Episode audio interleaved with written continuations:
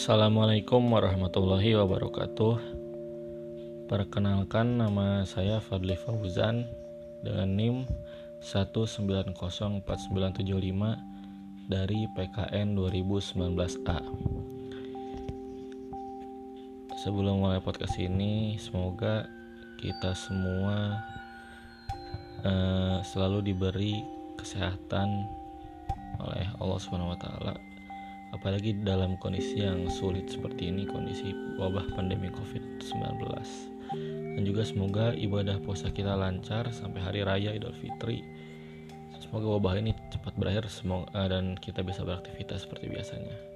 Di sini saya akan menanggapi pemaparan materi dari kelompok 19 kelompok 19 yang beranggotakan Anggi dan juga Nida dari segi teknis tidak ada yang bisa dikomentari. Menurut saya semuanya sudah cukup baik.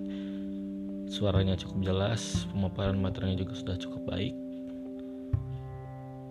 Dari segi materi ya mereka membahas tentang chapter 19 yang berjudul Using Big Data, Large Scale Studies and Secondary Data Analysis as Tools to Inform Social Studies Teaching and Learning. Nah, setelah saya mendengar pemaparan dari para pemateri, ada beberapa hal yang saya tangkap, yaitu tentang penggunaan big data dalam memajukan pendidikan.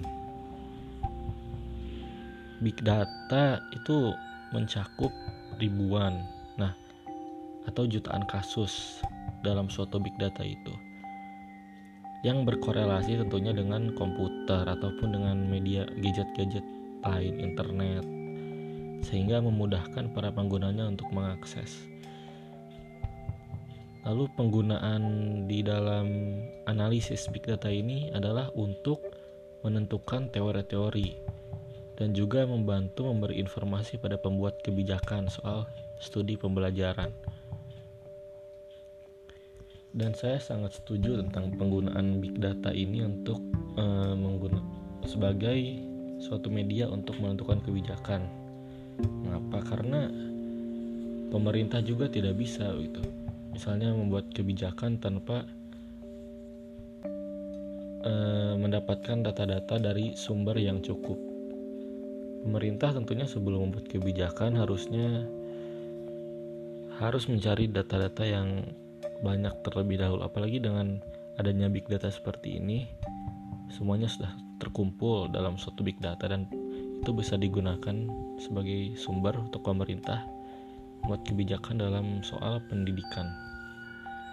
Nah, untuk pertanyaannya, e, menurut kalian apakah sistem penerapan big data sebagai e, e, pemberi informasi kepada pembuat kebijakan atau pemerintah itu sudah berjalan sudah cukup baik atau belum di Indonesia begitu.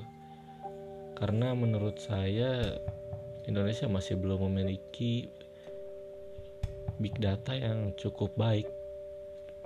Maka dari itu saya meminta tanggapan kalian apakah Indonesia sudah memiliki big data uh, sebagai media informasi untuk membuat kebijakan yang sudah cukup baik atau belum mungkin cukup sekian sekian dari apa yang bisa saya sampaikan.